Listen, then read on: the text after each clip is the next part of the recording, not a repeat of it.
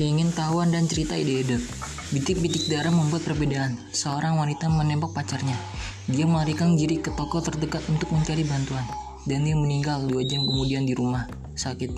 Itu hanya berita dasar bagi Martha Miller. Yang waktu itu seorang reporter polisi. Tetapi ketika dia pergi ke tempat kejadian, dia melihat puncak darah. Pertama Miller mengukur bintik-bintik dengan spesies pun. Tapi mereka lebih besar dari itu, jadi dia mencoba nikel. Pas itu, lalu dia menghitung tempat. Dia menulis berita utama yang menyatakan bahwa wanita itu telah menembak dan membunuh pacarnya. Dan di tengah cerita dia menulis ini. Sebagian besar guru menulis memberitahu Anda, tunjukkan, jangan katakan, tapi Anda perlu melakukan keduanya untuk menunjukkan. Anda harus memperhatikan, untuk menunjukkan dan memberitahu. Anda harus penasaran. Anda perlu mengajukan pertanyaan yang ingin dijawab pembelajar dalam cerita. Pada hari-hari pada hari-hari konvergensi ini, ketika cerita Anda dapat dipublikasikan di beberapa media, Anda perlu mengamati dan melaporkan pemandangan dan suara untuk audio dan video. Bagaimana data perencanaan apa yang harus diajukan, apa yang harus diamati, dan dilaporkan mulai dengan dasar-dasarnya.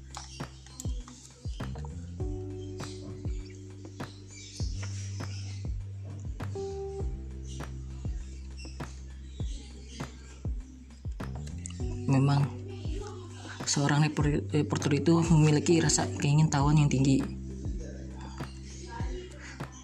Dan dia harus mencoba harus memiliki dasar-dasar dari rumus 5W 5W 1H dan ini dan ini adalah contohnya. Siapa?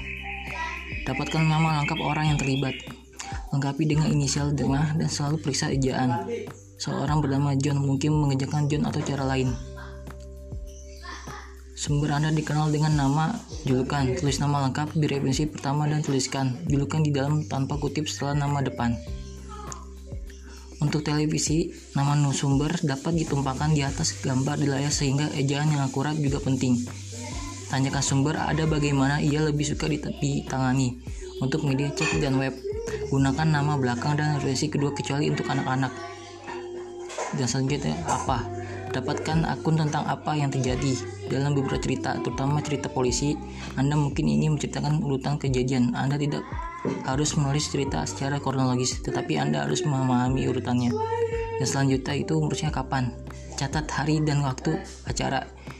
Jika Anda menulis cerita untuk web, pertimbangkan untuk menulis garis waktu sebagai bila sisi yang mungkin ditautkan dengan cerita atau ditempatkan di kotak pada halaman yang sama. Nah selanjutnya di mana? Dapat lokasi. Jelaskan adegan itu Anda mungkin harus memberikan detail kepada seniman grafis untuk peta lokasi. Jadi kumpulkan detail spesifik tentang lokasi. Dan selanjutnya mengapa? Memahami apa yang menyebabkan acara tersebut. Apa konfliknya dan apa resolusinya. Dan selanjutnya bagaimana mencari lebih banyak informasi tentang apa yang terjadi? Bagaimana terjadi dalam urutan apa acara dibuka jadi jadi apa? Apa dampak acara ini terhadap pasar peserta? Ada dampaknya pada pembaca. Apa yang membuat cerita ini bernilai berita atau penting? Jika anda menulis pertanyaan jajak pendapat untuk televisi atau web apa yang akan anda tanyakan kepada pembaca atau pemisah dan apa yang perlu diketahui pembaca untuk memahami dan peduli dengan cerita Anda. Anda tidak bisa menjelaskan acara kecuali Anda memahaminya sendiri dan Anda tidak bisa memahami kecuali jika Anda menggali jawabannya. Kuncinya adalah melepaskan rasa penasaran Anda beri. Anda berikut adalah beberapa teknik untuk mengembangkan rasa ingin tahu Anda. Dan rasa untuk menggambarkan rasa ingin tahunya Anda adalah bermain peran.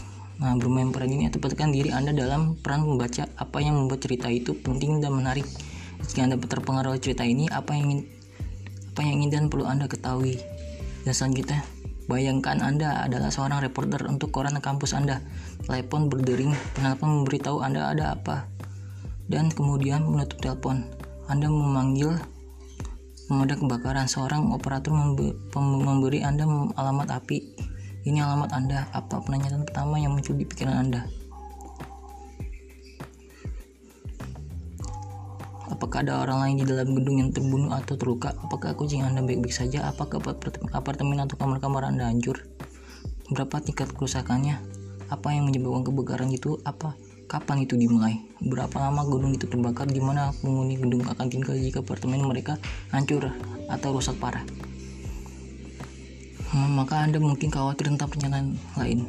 Berapa lama waktu yang dibutuhkan untuk memadamkan api? Apakah ada saksi mata? Siapa yang melepon pemadam kebakaran? Seberapa cepat departemen merespon? Apakah ini pertama kalinya gedung ini dilanda kebakaran? Apakah bangunan itu memiliki alat penyiaran, penyiram? Jika ya, apakah mereka berhasil? Daftar bisa berlanjut. Itulah konsep dasar bermain peran dan dapat menghasilkan banyak pertanyaan untuk Anda dalam banyak cerita. Dan sekian dari saya, terima kasih.